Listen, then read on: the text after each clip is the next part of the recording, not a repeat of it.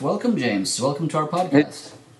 Hey, thanks, John. Yeah, it's great to be here on the broadcast. And first of all, congratulations now on your fourth solo album, Static Impulse. It's been out now for about uh, just over a month, and the critics are uh, raving, and you're getting great reviews of your solo album. How um, how do you feel yourself about the result? I mean, well, it's the ultimate compliment. Um, you know, both Matt and I, and uh, and the rest of the guys, Peter Wildoer and Ray Riendeau and Marco Sfogli. I mean, yeah, we're very excited with uh, the way that it's been received. Um, you know, when Matt and I were sitting down writing this, uh, we knew that it probably, for a lot of people, would be a bit of a surprise. And I think for a lot of the uh, reviewers and um, and magazines and, and the various other media outlets, I think it was. I think it was really unforeseen. And um, but you know, I think a, a, pleasant surprise because all of them have uh, have given it uh, yeah, you know, two thumbs up. So we're pretty excited about it, and um, you know, to know that we we felt that obviously we were going to be taking a bit of a risk going uh, in this route. We knew that it was something, regardless of how it was going to be received, we knew we had to do it because it was just uh, where our heads and and uh, hearts and soul are at right at this point. So we knew we definitely had to go down this this road. I think a lot of people yeah. were maybe a little bit surprised that you actually took it uh, uh, one step further and made it even uh, heavier and a bit darker than your previous albums. And um, say for the opening track, one more time, the the first um, vocal tracks that uh, that hits the listener is. Uh, uh, the part done by Peter, and um, it, it really took me by surprise. And I, you know, obviously the first few, the first thoughts were, "Is this is this James?" No, it couldn't be and then uh, yeah, I know. and then obviously your voice comes in a few seconds later. But that first part there, done by Peter, was that um, like Matt wrote the, wrote the lyrics to this song? Was this also his idea, or was that left up to Peter and for him to interpret? Interpret. No, no, no. I mean, uh, you know, well, first and foremost, when we were putting the music together and um, and the vocal melodies and stuff like that, originally. Um, there were there were a couple things going on. Originally, um, Matt was saying, um, you know, maybe we can sing these sections a little harder, a little bit more aggressively. And so I was going to go and do more the kind of voice that I did on the Awake album, and you know, sing with a bit more rasp, sing with a bit more raunch in my in my voice. And then uh, Matt started to actually experiment. Um, with the with those vocal lines that Peter ended up doing, and he was actually doing the the death metal voice himself, and I was like, "Holy shit! I, I didn't know you could even do stuff like that." And he's going, "Well, you know, I'm I'm just really experimenting with it, but I don't think I'm I'm nailing it." Although he did sound pretty cool doing it, um, and he uh, but but at the same time we were we were just looking at drummers for this album, and Peter's name was was in you know, in the batch of names that we were considering for drummer. And um, we started thinking about it, and we were we came to know that Peter also does the death metal voice.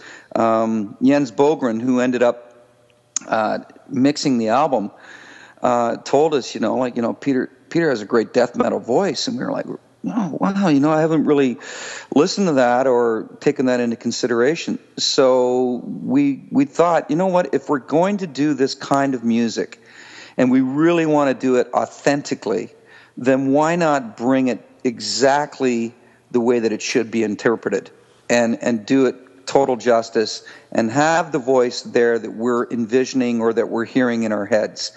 And um, so, you know, luckily uh, Peter was right up for it, and he said, "Yeah, man, I'd love to do this." And he did a fabulous job. I mean, he sounds as as great as any other great death metal voice out there. And so uh, it really worked in our favor. But it was something we were, you know. I'm really long-winded here. I wonder why. Maybe because I'm a singer. But it was something that that you know both Matt and I were were tossing around. You know, do we want to go there? Do we want to go this far with the vocal melodies? Do we want it to be heard and interpreted as that? Or do we want to do what most people would expect, and that is, you know, seeing that it is my solo album, which, you know, for all intensive purposes, it really isn't. It really is a, an album by Matt Guillory and James LaBrie because Matt and I, you know, it's 50 50.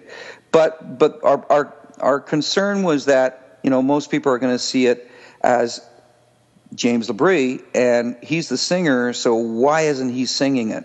And the thing is, is I, you know, we came to the conclusion that you know it's not about who it is that's representing this album. It's about what we think the music needs to best represent it. You know, so that's why we went through it, and we went the way that we did. Yeah. Now, for those uh, of the listeners that aren't familiar with, Peter oh, I'm sorry, John. We're out of time. Yeah. Oh, we're out of time, John. yeah. Okay, go ahead. Go ahead. For the listeners that aren't familiar with Peter Wildoer, he's a Swedish drummer from the band Darkane and he's also worked with bands like uh, Arch Enemy and Armageddon, and he is very familiar with the, the death metal world. And um, you mentioned also uh, Ray Riendeau. Uh, have you worked with him before? no, we haven't. Yeah. Uh, well, Ray um, was actually a name that came up when we went out and did uh, some of the shows for Elements of Persuasion. Um, Ray was our first choice to come out like as a bass player and play um, on the tour, but he wasn't available. Obviously, he had uh, he was out with Rob Halford at the time, and he's worked with Rob off and on over the years. And um, but originally, yeah, we wanted him because we just loved his style of playing. Um, he's an exceptional player and very intelligent and uh, just very musical. So unfortunately, we couldn't use him for elements. So we really knew, you know, going into this album, it was a, you know, a no-brainer that we had to get Ray on board and, and make him a part of the actual album. Cool. And you also uh, got Marco Sfogli uh, to work with you again. He was also on the Elements of Persuasion album. Yeah. Mm-hmm. Uh, well, I mean, you know, what, what, what can we say about Marco? I mean, he, um, you know, to a certain extent, he's unparalleled. You know, there's there's not many guitar players that play like him. There's a lot of great guitar players, but the thing that I love about Marco is that he's very, very musical. He's very musically inclined.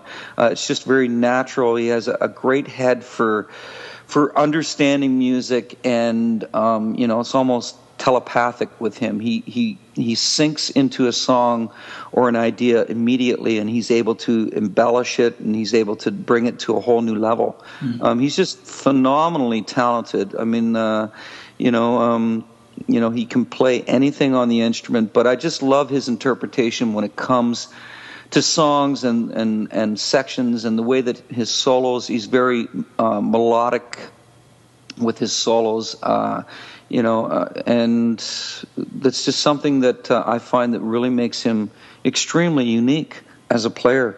And uh, you know, no doubt about it, the guy's just uh, really cool. a very uh, you know individual and uh, and a, a player that that stands that stands out for sure. Now, the, the album itself is uh, written and produced by yourself and Matt. Uh, you mm -hmm. started recording back in March, but uh, when did you, you actually get together and start talking and, and, writing for the album? Uh, we yeah, we started writing um, January 09. We started to write, so uh, it was almost I'd say yeah, almost a year of writing it was just you know basically the way that Matt and I write is um, you know excuse me when I have ideas in uh, in my head I'll I'll, uh, I'll just basically whether it's a vocal melody or whether it's a, a riff, uh, a guitar riff or whatever, I throw it down on tape. And when I'm talking about guitar riffs, it's literally me going, you know, doing stuff mm. with my voice. I'm not playing the guitar. But I have all these ideas and all these riffs and and melody ideas, vocal melody ideas. And I, I just send these files, these audio files, to Matt, and he sends me back how he interprets them and how he feels them and what he hears going on around them, and vice versa. He'll send me, you know, uh, stuff that he's written on keyboard or stuff that he's written on guitar or vocal ideas and, and stuff like that. And then I'll take those ideas and then I'll shoot him back a file of what I'm thinking or what I hear it uh, being or where I hear it going musically. And so it's just basically that's the whole writing process. It's a back and forth of several, several hundreds of audio files flying back and forth um, until we reach the ultimate goal being, you know, putting together uh, the songs and uh, in complete arrangements and feeling that we've got something. The last thing that always happens with Matt and I uh, are um, the two things are, um, you know, complete vocal melodies and and then the lyrics, obviously. And uh, but yeah, it just it seems to work extremely well, and um, yeah, it's just been our method since we started writing together in uh, God, it's like 19 late the latter part of 1998 is when we first got together. Did you first uh, play together on the um, Explorers Club Age of Impact album? Was that when you first um, uh, started no, no, together? No, actually not. It, it was uh, what happened was um, at the time.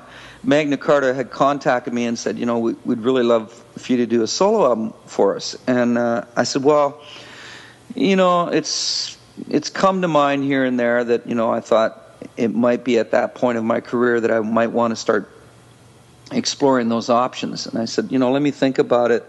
And I said, you know, the one main thing that I really have to consider is obviously somebody that I'm really going to connect with musically, and, and there's got to be a chemistry there, and somebody that I can really feel will, you know, uh, more or less um, uh, understand where I'm coming from musically, and and get the gist of my ideas, and you know, be able to write well together. Mm-hmm. And um, it, you know, it's funny because uh, within a couple days.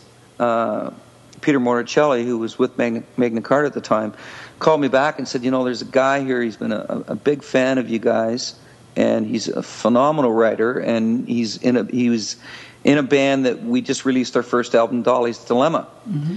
And um, he said, you know, you should really check out their stuff and check out some of his his own compositions because he's extremely talented. And I did. I checked it out, and I was like, wow, you know, this guy. Uh, he, there's definitely something going on here, but it needs to be seen whether him and I'll have something together. So we actually got together and started writing some stuff initially, and it just felt really good from the beginning. Mm-hmm. So, and that was, like I said, that was late '98 that we that we did that. But you know, right from the very beginning, within the first couple of sessions of sitting together and bouncing ideas off each other, it was you know it was a very uh, you know prolific kind of um, situation. Mm-hmm. Now, um, back to the lyrics. Um, both you and Matt have written about half, mm-hmm. half of the lyrics each. Uh, now, mm-hmm. your your lyrics often deal with strong human emotions and feelings, like you know songs that you've written before, like "Vacant," "Disappear," and "His mm-hmm. Voice" and mm-hmm. so on. Is this the case for for this album as well? Uh, you know what? I I tried to I tried to lighten up a bit. You know, I, I, wanted to really kind of approach these lyrics. I mean, yeah, there are some lyrics in there that are pretty deep and heavy and and very serious and somber. But um, you know, like some of the lyrics, for example, "Euphoric," is about you know, it's simply about being completely infatuated with somebody, uh, with with a girl, and and and knowing that she is she really completes who and what you are and, and how secure you feel in this existence. Um, and it doesn't matter what she looks like or what other people might interpret her like as far as her personality, her mood, her character, or anything like that. It, it only matters what she does for you and what your relationship is based on. Mm-hmm. So, you know, that was basically like, who cares what anybody else thinks? This is the girl for me. And unfortunately, a lot of people that have read that lyric are, are, are thinking that it's about dating a an obese or rather large female. And uh, it's not the case. It's about saying, you know what? This girl does it for me. I, it doesn't matter if you don't think she's attractive. It doesn't matter if you don't like her personality. It matters what I think, you know. And um, and just being like, you know, uh, just completely um, you know, uh, just captured by her her true essence. Um, and then, like another song, like uh, "Over the Edge," is is a lyric that I wrote about people not uh, considering who we are as people, just looking at us from a, an exterior pers- perspective, and thinking that what we look like and what we act like is, is basically who and what we are, when we're not really trying to understand the person within. And you know, our little idiosyncrasies and all our you know, our uh, our various um, personality traits. Mm-hmm. Um, and so you know, it's all about that. It's just about you know, and and basically, I made I made it a bit more fun and, and light lyric about this guy. You know, he's not really a great looking guy, but he's got this girl that's totally into him, and she's absolutely drop dead gorgeous, and he's trying to figure it out and go, wow, you know, I wonder what it is, and the whole time he's not getting it. She's into him because he's he's such a cool guy, and he's got a great personality. You know, so that's what that's about.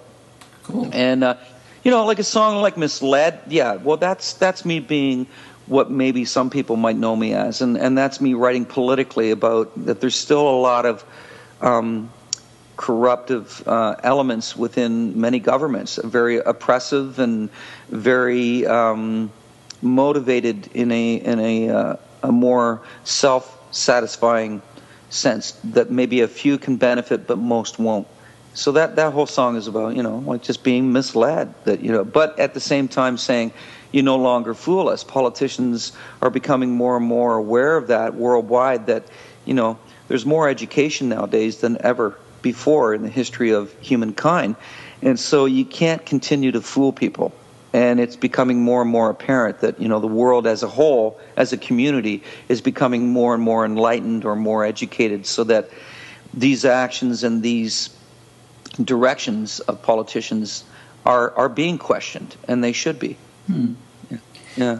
Now, um, at the end of this month, you were supposed to um, start your tour, um, yeah. starting in Charlotte, uh, but unfortunately you had to cancel. What happened there? Did you run into some problems with the visas and so on? Was that the case? Yeah, yeah, exactly. Well, there's two of the members, you know, and, and it's really unfortunate because these guys, I mean, um, you know, they they live uh, one of them lives in Sweden, Peter Wildoer, mm. uh, the drummer, and Marco Sfogli lives in Italy, uh, the, the, guitar player. And it was just a, a, a, situation that, unfortunately, through bureaucracy and the many hoops and loops that we need to uh, jump through to get work visas um, processed, uh, was a bit more involved and lengthy a situation than we had considered or we had foreseen.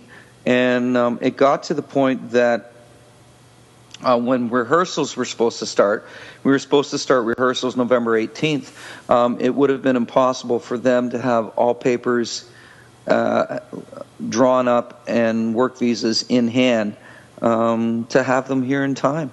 Okay. So it was just a, a, really unfortunate, and we had to make a decision because you know tickets had already been on sale. Tickets were doing really well, and contrary to maybe some people's speculation, the tickets were selling extremely well mm. uh, for the shows, and you know, and even uh, the meet and greet uh, tickets were were flying out of there.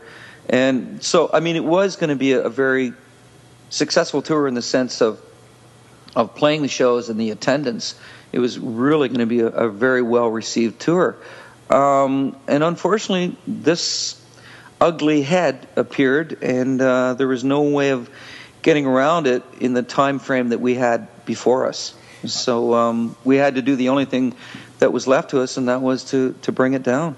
And are you considering uh, rescheduling at all for uh, for next year? Well, you know, John, I would love to. I would. Uh, there's nothing more that I would love to do at this particular point in time is to be able to reschedule, go out next year. But the reality is, is that, you know, uh, Dream Theater that is my priority and that is everyone's priority in the band. Um, that comes first and foremost. Mm. And um, at this particular point, we know that more than likely we'll be in the studio in January to start writing and recording mm. uh, the next the next on Dream Theater album. So really, my hands are tied in that sense. When do I tour? If I'm going to be in the studio from let's say January till May, uh, and then maybe a month later, I'm going to start doing um, uh, a, a, world tour, beginning with festival shows over in Europe mm. come June.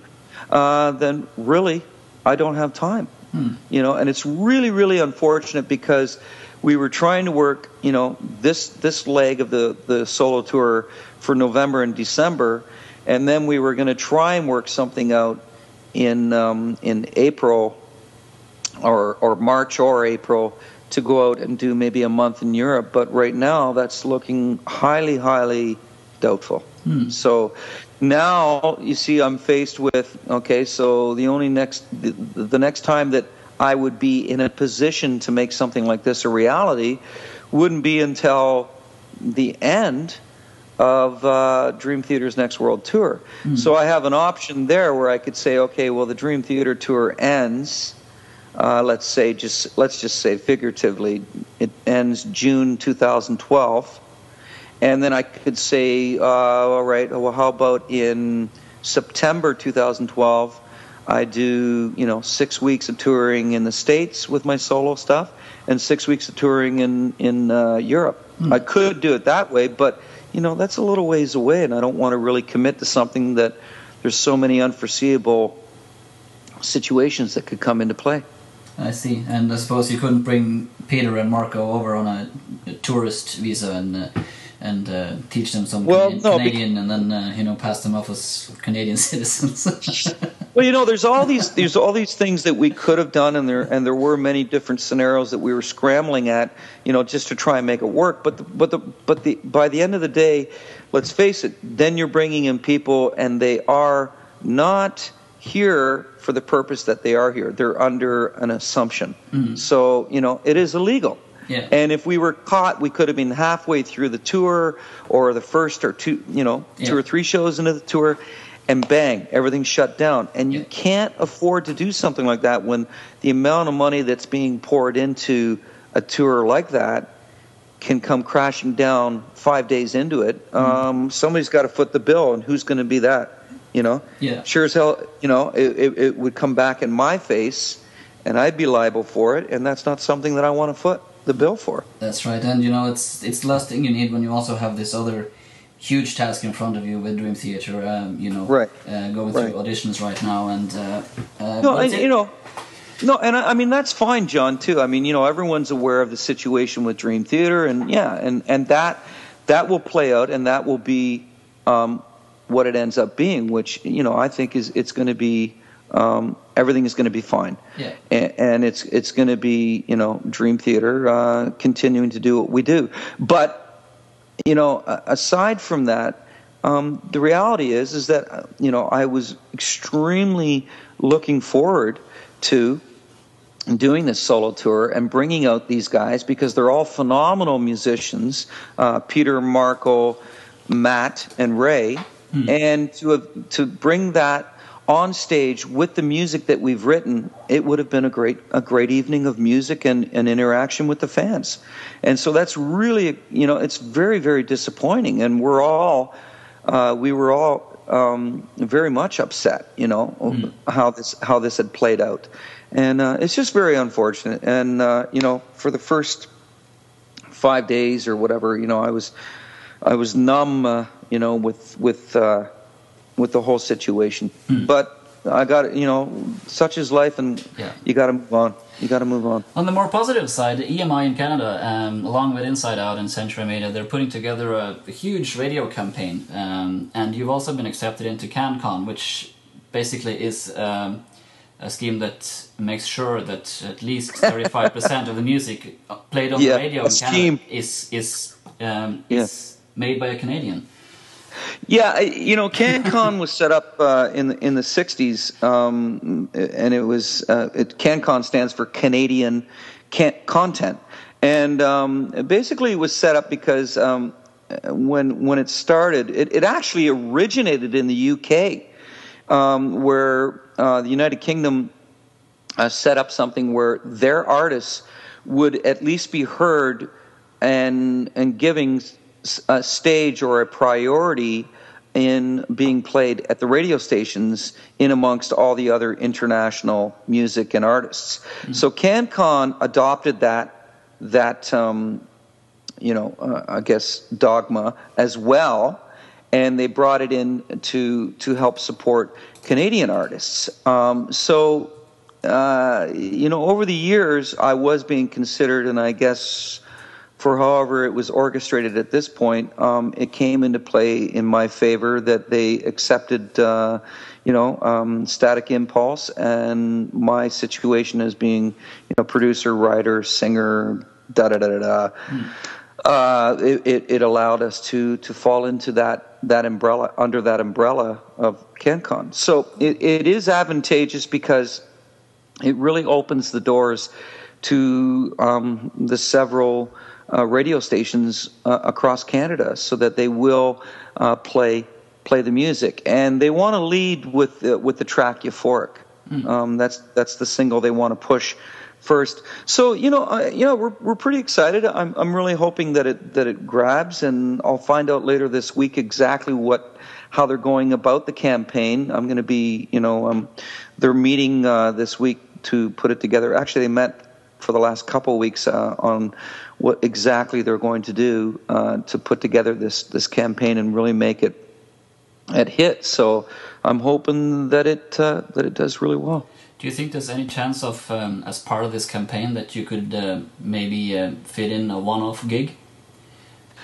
I mean, that would be beautiful. I mean, it, just the, the logistics, though, to put that together, and and uh, I mean, you know, if if it made sense that it you know it was undeniable and that we, we needed to play or there was an award show that you know they they said you know your this song is taking off it's mm. really hit here in Canada and they want you to play at this kind of a, an award show in front of you know a televised audience as well as 10,000 people in the arena.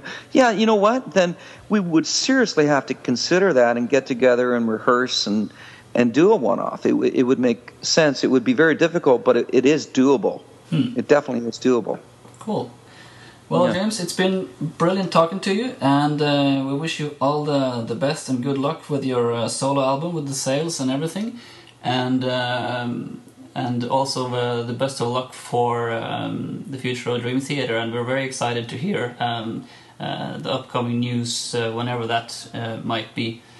Um, yeah, yeah, definitely.